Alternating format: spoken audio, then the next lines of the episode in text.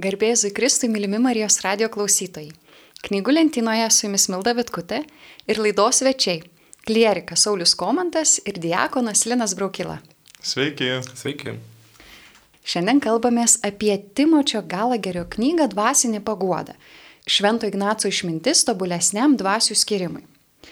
Tėvas Timotis Galageris yra amerikiečių kunigas, mergelės Marijos oblatas kuris yra, galėtume sakyti, ignaciško dvasingumo ekspertas. Daug metų lydėjo žmonės kaip dvasios tėvas, taip pat ruošė seminaristus ir Šventasis Ignacas yra jo pagrindinis pagalbininkas. Taigi tėvas Timotis Galageris savo dvasinio palidėjimo praktikoje daugiausiai remiasi ignacišku dvasingumu. Ir knyga, kuri vadinasi Dvasinė paguoda, iš tikrųjų nėra pirmoji knyga, kurią jums, mėly skaitytojai, siūlytume skaityti. Ne nuo jos siūlytume pradėti. Tai yra ketvirta knyga išleista lietuvių kalba, parašyta jau pažengusiems tikėjime žmonėms. Tad pirmiausia, noriu paklausti jūsų abiejų, kas yra dvasinė paguoda? Na, kaip jau ir minėjai, Milda, knygos pavadinimas jau yra savotiškas burtažodis - dvasinė paguoda. Nepažengusiam žmogui, na, paguoda. Nu kas ta paguoda? Nuo ko dabar turėtų čia kažkas kažką guosti? Būtent dvasinė prasme, paguoda yra tarsi ta ramybė, tarsi tas džiaugsmas, kuris plaukia būtent iš Dievo, būtent iš artumos su Dievu. Tai nėra tiesiog toks džiaugsmelis menkas, kad kažkas man kasdienybėje pasisekė ir dabar aš savo ramiai sėdžiu, apgalvoju dieną ir vad kaip man puiku, kaip man gera, koks aš fainas. Ta paguoda yra plaukianti iš artumo su Dievu, iš džiaugsmo, iš supratimo, kad tu darai, ką kuriejas galbūt nori, kad tu darytum, esi ten, kur jis nori, kad tu būtum ir tau yra gera. Ir Dievas laimina tavo veiksmus, suteikdamas tau tą ramybę, tą džiaugsmą ir tas tokią savijautą, užtikrintumą jame. Šventasis Ignacas, kalbėdamas apie dvasinę paguodą, ją pristato Dievo valios ieškojimo kontekste, kad ji padeda suprasti, kokia yra Dievo valia. Lina, ar galėtum trumpai papasakoti Švento Ignaco istoriją, kaip jis priejo supratimo, kad yra toks dalykas kaip dvasinė paguoda? Yra turbūt ne vienas pasakojimas, tas, kuris dabar ateina į galvą, yra jo dvasinės kelionės pradžioje. Gulėjo lovoj, po kojus operacijų, skaitė įvairiausias knygas, skaitė riterių romanus ir skaitė šventųjų gyvenimo istorijas. Ir abi jos jį labai patraukdavo, abiejose jis galėdavo skendyti valandų valandas ir dienų dienas. Bet, e, ir čia turbūt ir yra viso ignaciško dvasingumo pradžia, kuri prasideda nuo švento Ignaco tokių savirefleksijos pastangų, kai jis kažkurios dalykus ėmė ir suprato. Tai štai praleidęs daugybę dienų skaitydamas vieną, skaitydamas kitą, jis suprato, kad abiejais atvejais esantį susidomėjimą, džiaugsmą, pasinerimą ir, ir visus kitus, sakytumėm, pozityvius jausmus. Abiejais atvejais jausmai yra taip patys, tačiau paskui juos velkasi truputį kitoks šešėlis. Vienų knygų skaitymą lydi kažkoks ilgesys, nusivylimas, neviltis. Tuo tarpu kitas paskaičius širdis kažkaip užsidega norisi kažkaip eiti e, dangun, kilti aukščiau, atsiranda kilnesnių troškimų ir taip toliau. Ir jis ėmė kelt klausimą, kas čia yra, kas čia yra, kas čia yra. Ir čia gali matyti užuomasgas to, ką jis po to išgrynins, kaip paguoda ir nepaguoda. Po kažkiek ten tų metų, kai jis jau nu, parašė labai tokias glaustas, e, vos ne cemento kietumo taisyklės, labai labai tirštą tekstą, jis jame rašo taip. Paguoda vadinu sieloje kylančią kokią nors vidinę paskatą, dėl kurios siela užsidega meilę savo kuriejų ir viešpačiui. Ir todėl jokio kūrinio žemėje nebegali mylėti dėl jo paties, o tik dėl jų visų kūrėjo. Iš čia galima matyti, kad iš tikrųjų pagoda yra ne vien tik tai labai pakili būsena, ne tik pakili, bet ir tave pakelinti būsena, dėl kurios tu nori, tu sieki dieviškųjų dalykų. Ir daugmaž šitą linkime galėtume mąstyti, kas yra pagoda, prisimindami, ar ne, iš kur atsirado. Iš konkrečios patirties, kad labai labai panašus dalykai, džiaugsmas, girdint vienas istorijas ir džiaugsmas girdint kitas, palieka kitokį poskonį. Kas yra tas poskonis? Paguoda arba nepaguoda? Mylimiems skaitytojams turbūt verta priminti apie Šventą Ignacą Lojolą, kad jis yra jezuitų ordino įkūrėjas. Ir ta kietai parašyta knyga yra dvasinės pratybos. Ir iš tikrųjų, Šventasis Ignacas dvasinės pratybas, tokį galėtume sakyti dvasinio gyvenimo vadovėlį, parašė stebėdama save, kaip sakilinai, reflektuodamas, kas vyksta jame kaip naujai atsivertusiame žmoguje ir taip pat keliaujant dvasinę kelionę, jaučiant, kad, o, aš kažkokį vieną etapą perėjau, patyriau vienokius gundimus, vienokius sunkumus, o dabar ateinu kažkokį kitą etapą ir man reikia kitokių įrankių. Tai, ką jau atrodo supratau, ištobulinau, šitame etape nebetinka. Tai mes šioje knygoje esame, kaip Ignacas vadintų, antrojoje dvasinių pratybų savaitėje. Tai labai trumpai, gal galėtumėt kuris nors iš jūsų pasakyti, kas yra pirmoji savaitė ir kas yra antroji. Dvasinės pratybos nėra tik knygos pavadinimas. Dvasinės pratybos yra toks tam tikras metodas, kuriuo šventasis Ignacas ugdė kitus žmonės. Ir tai yra toks labai labai koncentruotas laikas, bet jis, jis gali būti, pavyzdžiui, jeigu jis lydi dirbančių žmonės, kokius nors, kokiam nors Paryžiui 16 amžiaus vidury, tai, tai gali būti, nežinau, kas savaitiniai kokie nors susitikimai arba panašiai, kurių metu e, Šventas Ignacas savo palydimajam duotų apmastyti vis kitą dalyką. Pavyzdžiui, apmastyk, įsivaizduok, kad yra mūšio laukas ir dvi vėliavos. Vienoje yra spindintis karalius, kuris yra subūręs aplink save angelus, žėrintis grožių gėrių ir, ir į kurį pažiūrėjus tau gerą pasidaro. Kitoji lauko pusė yra, yra liepsnojantis ir dvokiantis velnas su visais savo pakalikais, kuris siuntinėja velnius po visus kaimus ir po visus pasaulio miestus, siekdamas juos atitraukti nuo Dievo. Ir į kurią pusę tu stotum. Ir, tarkim, tokias gairias davęs, jis e, palieka žmogų medituoti, lietai apmastyti ir įsimastyti, o iš tikrųjų savo gyvenime, į kurią pusę aš stoju. Tai žodžiu, e, iš tokių daug maž mąstymų, labai e, skirtingų intensyvumų, bet jis yra sudėliojęs tam tikrą ugdymo programą, kuri ir vadinasi dvasinės pratybos. Ir jie yra tokia labiau kaip, kaip sakytumėm, nežinau, kokios nors šaulių stovyklos dienotvarkė ar, arba planas, ar ne? nes, nes tai yra ugdymo programa, tai nėra kažkoksai romanas arba dvasinės literatūros šedevras, ar ne? Tai yra ugdymo programa ir instrukcija, va taip, to, to, tokio sausumo, sakytumėm, dalykas, bet labai labai turtingas, labai labai gyvas. Ir uh, taip sakytumėm, labai trumpai žvelgiant, jis, yra, e, jis turi savo tam tikrą įvadą, kuriame žmogus masto apie savo gyvenimo tikslą, nes tik žinant savo tikslą gali daugmaž imti skirti dvasias. Čia labai svarbus principas. Niekaip neatskirsi, kur tave veda Dievas, kur tave vernas, jeigu nebus apsisprendęs, koks tavo gyvenimo tikslas. Ir pagal Ignacą gyvenimo tikslas yra šlovinti ir garbinti Dievą, mūsų viešpatį.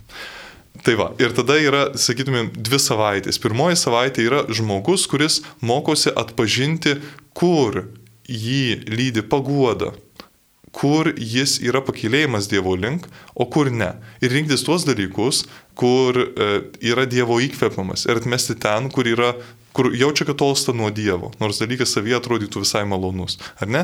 Žmogus pirmiausia turi išmokti atpažinti, kad tai, kas yra malonu, arba atrodo gera ir priimtina, ir tai, kas e, nėra malonu, atrodo gera ir nepriimtina, nebūtinai savaime yra gėris ir blogis, arba savo savaime yra Dievo dvasia ir, ir blogo dvasia, priklausomai nuo to, kur link jis eina. Tai tai yra pirmoji savaitė. Pirmiausiai suprasti, kad yra dvi dvasios, kurios veda skirtingomis kryptimis. Ir tada antroji savaitė, kuri skirta žmogui, kuris jau pakankamai sąmoningai yra apsisprendęs visą savo gyvenimą pavesti Dievui ir ieškoti jo vedimo, Tačiau, kuomet, sakytumėm, piktoji dvasia keičia taktiką, ji jau nebeveikia kaip nepaguoda, kurią tu gali suprasti ir atmesti, bet ji veikia kaip netikra paguoda. Ji veikia kaip e, įkvėpimas, kuris tave pagauna pačioje pradžioje, bet po to nuveda, nuveda, nuveda, nuveda ir tu žiūri, kad tarsi visai gero rinkėdamas, bet vietoj, pavyzdžiui, ištikimybės savo šeimai arba ištikimybės savo pašaukime, tu pasirinkai kažkokį tai, kažkokią keistą labai kilnę veiklą, kuri galiausiai tave paliko prie suskilusios geldos. Tai pirmoji savaitė yra, sakytumėm, įžanga į tai, o dabar, kalbėdami apie šitą knygą, mes esame antroji savaitė. Ir tai, man atrodo, labai, labai labai naudinga ypač tiems žmonėms, ar ne, kurie krikščioniškam keliui jau yra paėję ir kurie nebekelia klausimų, ar aš noriu vykdyti Dievo valią. Dažniausiai jie kelia klausimą, tai kur viešpatie, tai kur ta tikroji tavo valia tarp visų šitų gerų dalykų. Pakalbėjome apie tai, kas yra dvasinė paguoda, apie dvasinės pratybas, pirmą ir antrą savaitę. Trumpai sugrįžkime prie pačios knygos. Sauliu, kaip tau ši knyga?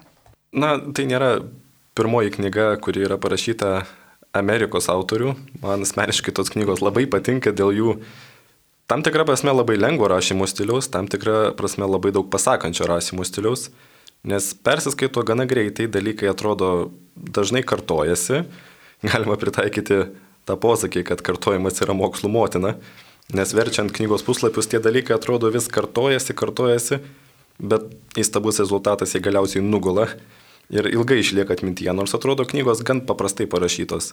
Nėra ten daug tų burtažodžių, nėra kažkokių sunkių interpretacijų, bet ta informacija nugula ir kas man asmeniškai būna svarbiausiai, ta nugulusi informacija paskui pasireiškia praktiniam gyvenime. Tik, bet tikrai labai stiprus tas įspūdis, ar ne, kur atrodo nėra nei vieno nereikalingo žodžio, daug kartų kartojasi tarsi tas pats, bet iš tikrųjų yra labai labai labai lėtas vystimas. Kai į kokį nors 150 puslapių visai lengvai skaitomų teksto yra išskleidžiama va, du puslapiai dvasinių pratybų, ar ne. Tai tarsi knyga vykdo tikslą labai prieinamai, paaiškinti tai, ką Šventas Ignacas susintetino, supakavo, kažkaip sulydė prieš laidą mes truputį apsitarėm, kokie įspūdžiai apie knygą ir Linai, ar teisingai prisimenu, tu sakei, čia visiškai yra įrankis. Mhm.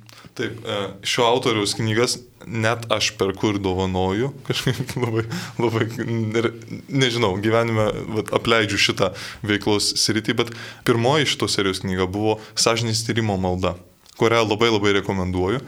Šitoje serijoje pirmoji turbūt todėl, kad tas Dievo valios ieškojimas pirmiausia prasideda nuo paprasto įpročio kiekvieną dieną pagalvoti. Vyko tas, vyko tas, vyko tas. O Dieve, o kur tu čia buvai?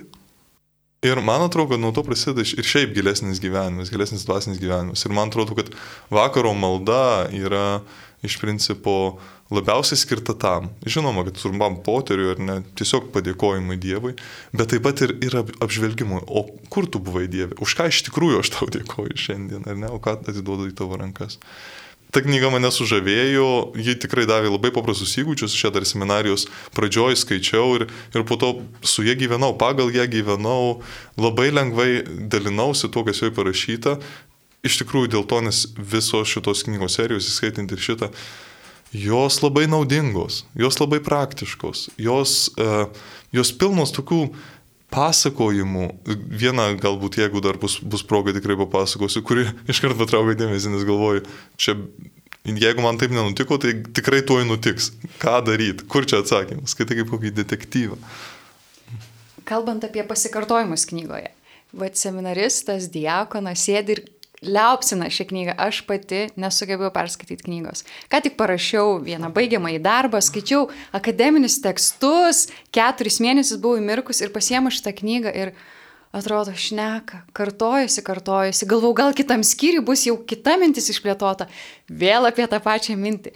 Tai vaikinai sakė, duos receptų, ką daryti, jeigu skaitai knygą labai įdėmiai ir pradeda toks nerimas kilt, na tai gal jau kokią kitą mintį mum įdėsi į šitą skaitimą, mielas Timoti Galageri. Tai ką daryti žmonėm, kurie labai susitelkę skaito knygas ir ši knyga gali pasirodyti jiems tokia, kaip čia, daug žodžiaujanti.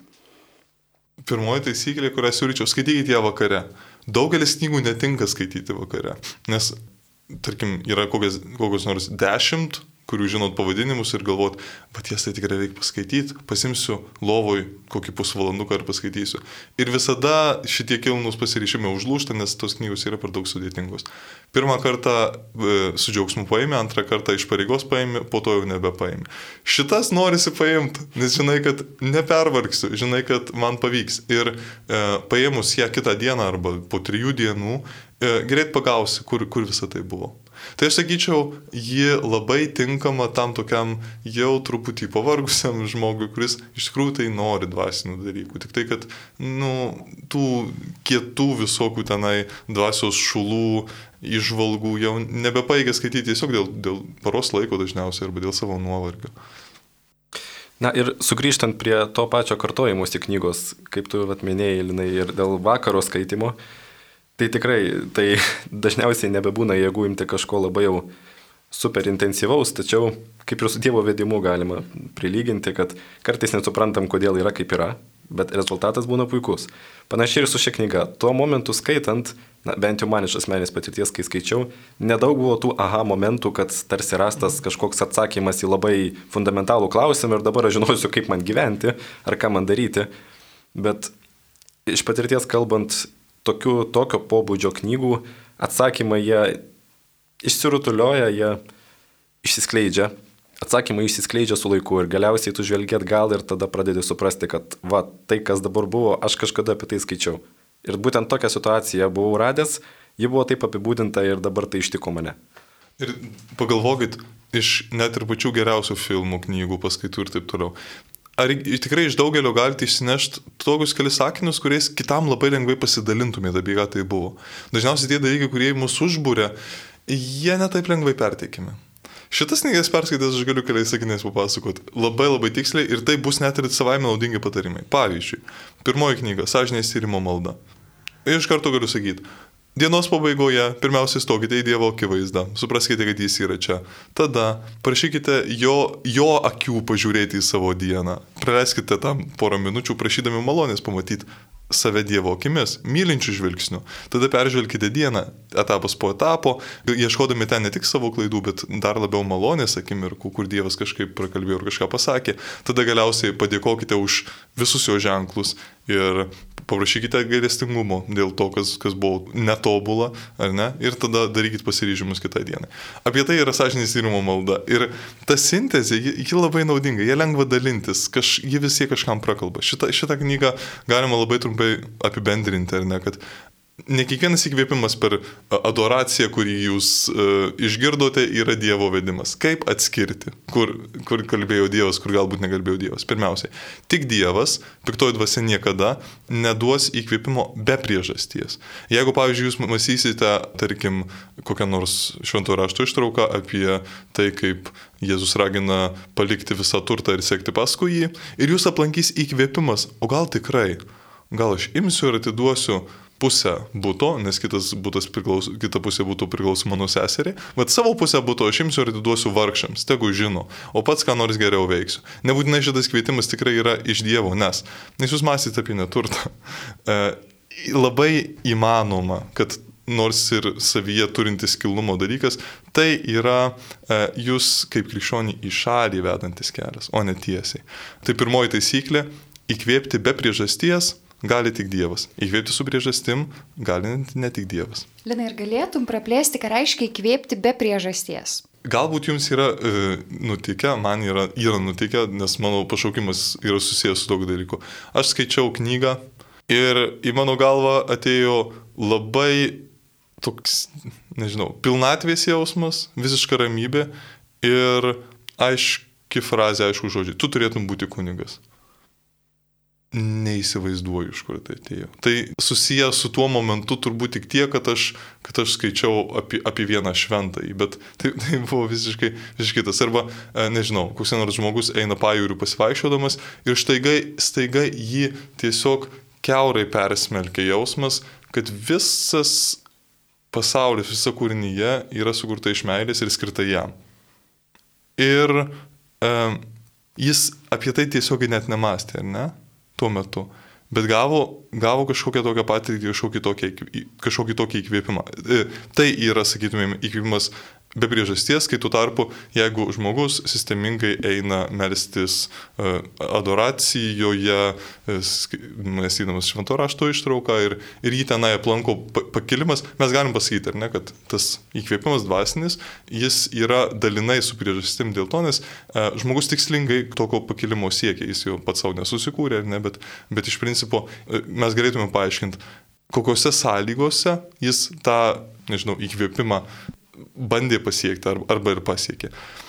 Ir kai šitą sakau, aš suprantu, kad man tada reikėtų dar kelių sakinių, keliolikos sakinių, toliau plėstis, plėstis, plėstis. Tam ir yra šita knyga.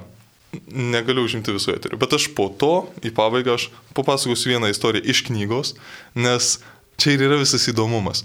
Paėmus vieną akcentą, kyla klausimų dėl kito akcento ir nebūtinai iki galo viską gali iš karto išvyniot, bet kai visą tai pasakojama pasitelkiant pavyzdžius apie kokį nors tai e, diakoną Dovydą, kuris tarnauja vienoje parapijoje, nori prisidėti prie kitos tarnystės, nežino, jaučia įkvėpimą ir ten, ir ten, ir ten, ir ten.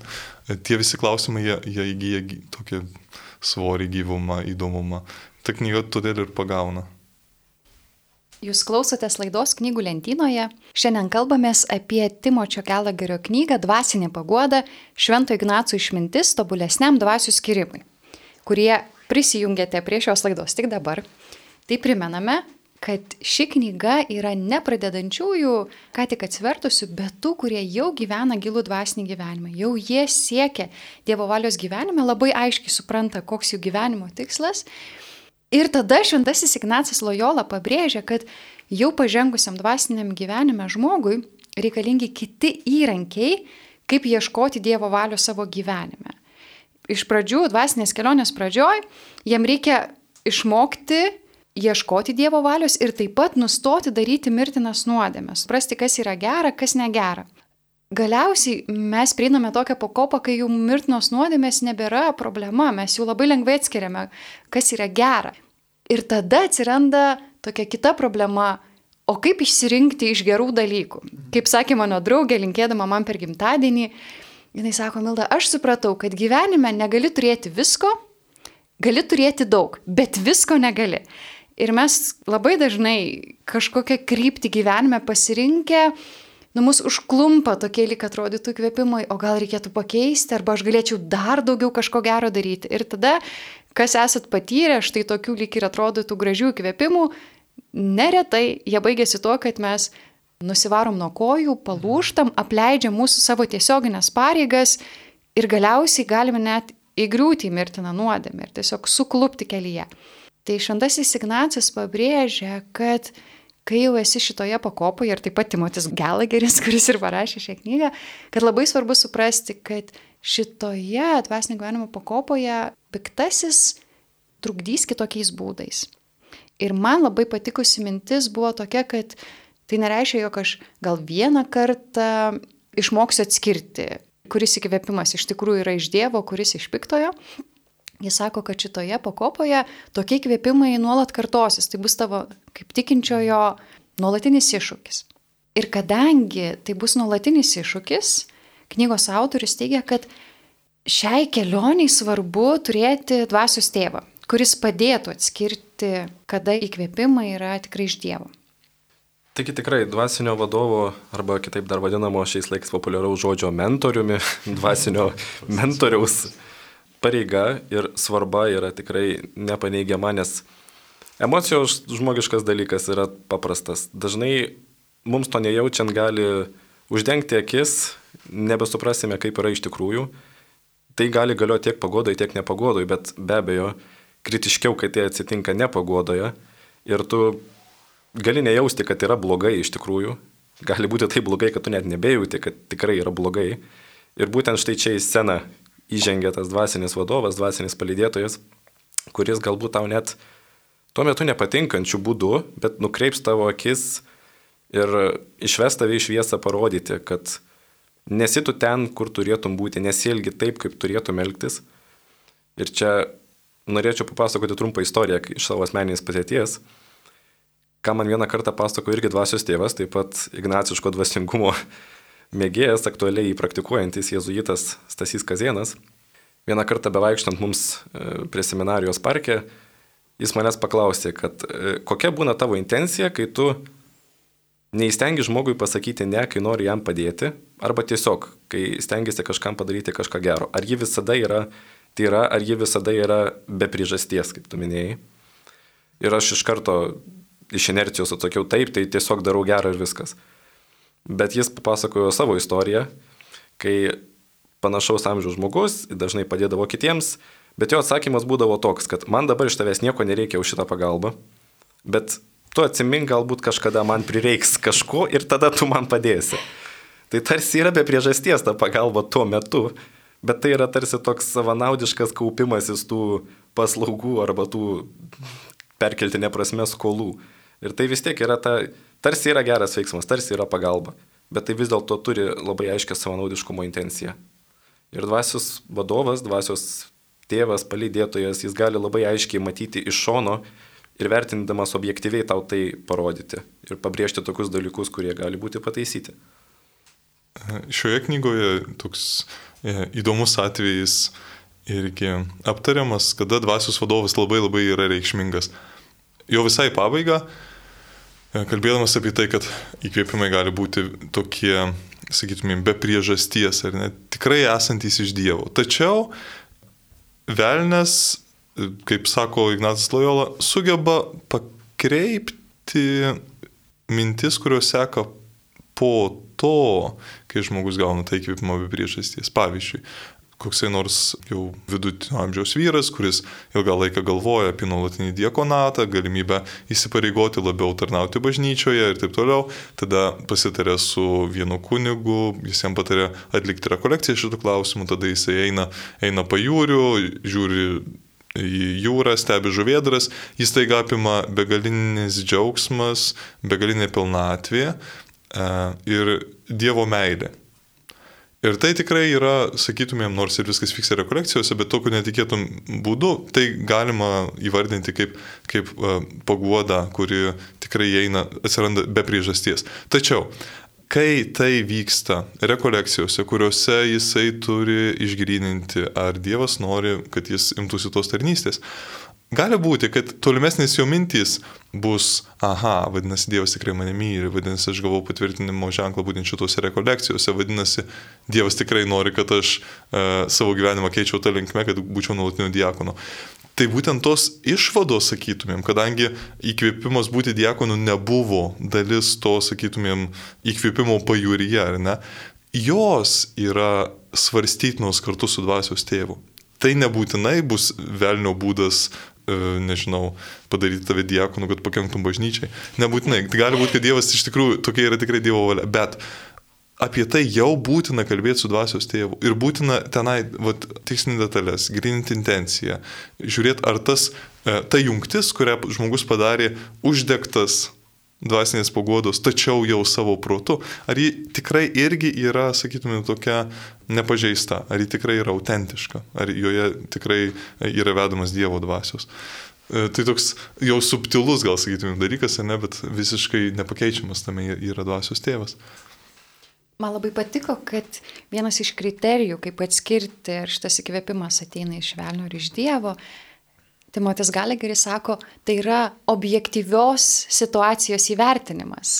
Gali turėti įvairių patyrimų, bet sako, labai svarbu pažiūrėti, o kokia yra tavo objektyvi situacija, kam tu esi dabar atsakingas, kur esi įsipareigojęs, apskaičiuoti savo galimybės, ypač fizinės galimybės, taip pat finansinės, kam esi pažadėjęs. Ir man atrodo, kad kai turi labai stiprių, kažkokių emociškai stiprių patyrimų, labai labai reikia kitos akies, kito žvilgsnio, kuris, jeigu reikia, sugražintų prie objektyvios tikrovės. Kur tu dabar gyveni?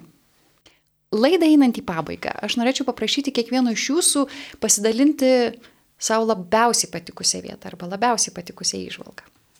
Tai man labiausiai įstrigusi įsimintina vieta yra autoriaus pabrėžiamas pasitikėjimas Dievo vedimu, ypatingai būtent per dvasinio vadovo, per dvasinio tėvo įžvalgas, kurios dažnai gali būti nepatogios, dažnai gali būti netinkančios gal net mano atžvilgiu. Man gali atrodyti, kad tai visai ne taip, kaip turėtų būti, kad jo požiūris galbūt yra neteisingas, Bet autorius pabrėžia tą ignaciško dvasingumo pusę, kuri teigia, jog būtina išsiugdyti pasitikėjimą, kad Dievas veikia per dvasinį vadovą, kad tai Dievas bando kreipti mane tą linkmę, kurią aš turėčiau eiti, nes įprasta būtinė situacija. Augant vaikams, tėvai jų, jų gyvenimą irgi kažkiek koreguoja, kažkiek prilaiko, kur reikia, kur pakreipia, labai dažnai tas gali nepatikti. Galima mąstyti, kad, nu, kvailystė dabar čia pasikeitė karta, ne tas mąstymas, gyvenu kaip noriu, žinau, kaip man geriau. Lygiai taip pat su dvasiniu vadovu. Tuo metu, esant tam tikroje situacijoje, gali būti kartais net labai skaudžios jo išvalgos.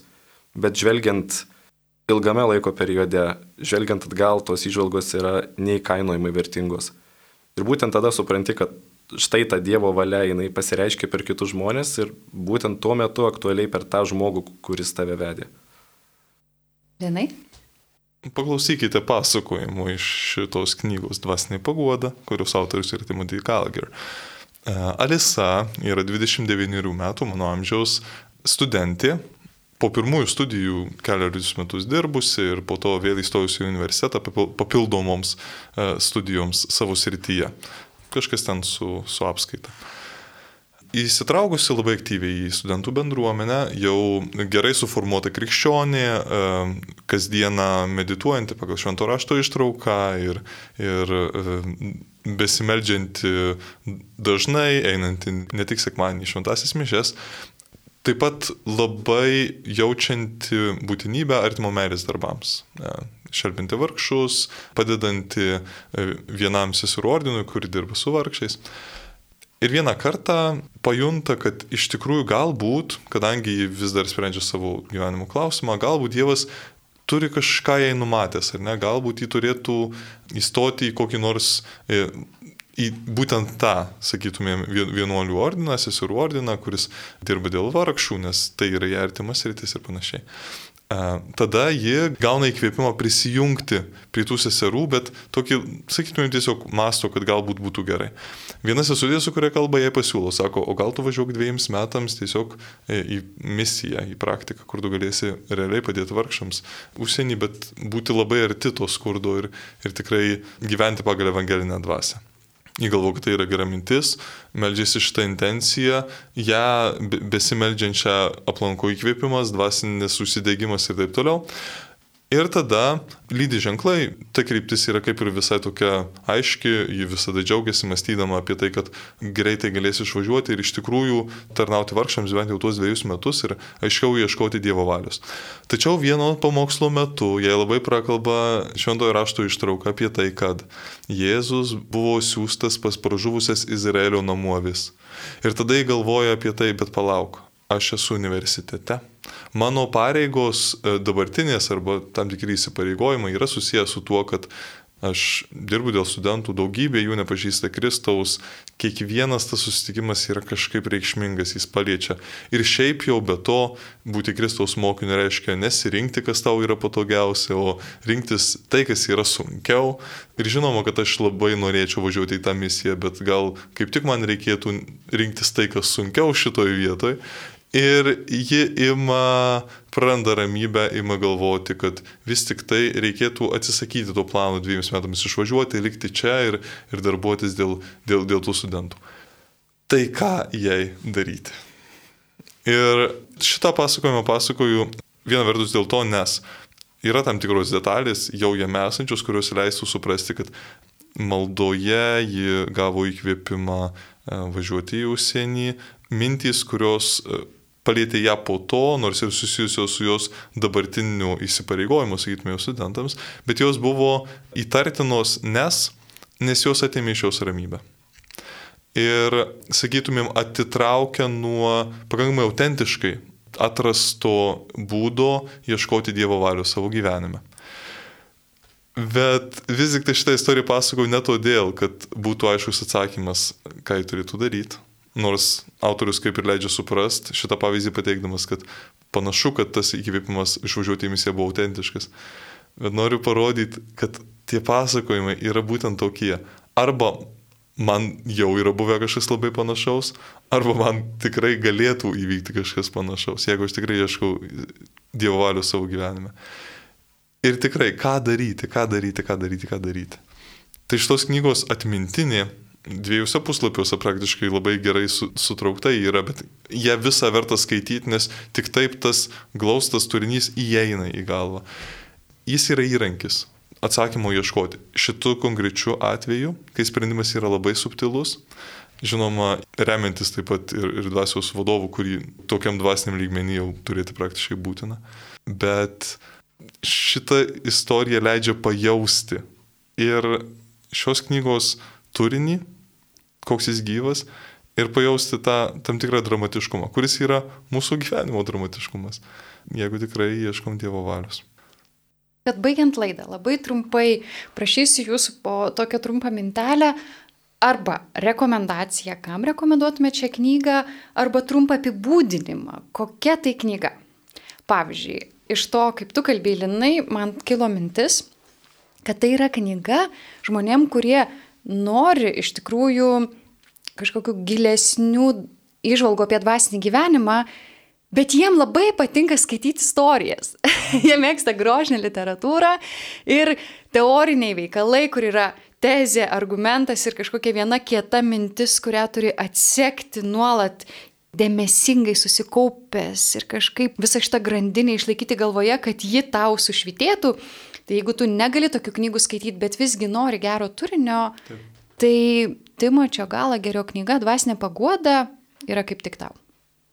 Tai tu milda praktiškai ir pasakei, tai kaip aš ją apibūdinčiau. Ir prie to nebent dar pridėčiau, kad tai yra, tai yra knyga gerą norintiems krikščionims, kad jie ir pasiektų gerą. Tai yra Dievo valios ieškantiems nuoširdžiai žmonėms skirta knyga, kad jie tikrai rastų Dievo valią. E, ir knygos pabaigoje pateikiami keli pavyzdžiai. Šventas Pranciškus, kuris suprato, suprato, kad Dievą nori mylėti daug labiau nei visa kita tebe ieškojau tik jo valios, ar ne?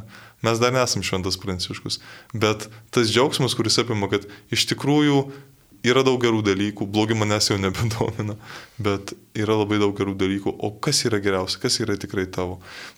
Žmonėms, kuriuos tai domina, žmonėms, kuriuo, kuriems yra saldu pagalvojus, kad aš norėčiau vykdyti Dievo valią, jiems yra skirta šitą knygą.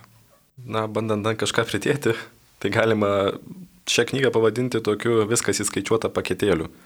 Nes tarsi yra apibūdinamos įvairios situacijos gan vaizdžiai ir duodami tokie įrankiai gyvenimo kelio ženklai ir išryškinami svarbiausi aspektai, kaip pasitikėjimas Dievu, dvasios vadovas ir dar keletas, kuriuos rasite patys tą knygą perskaitę.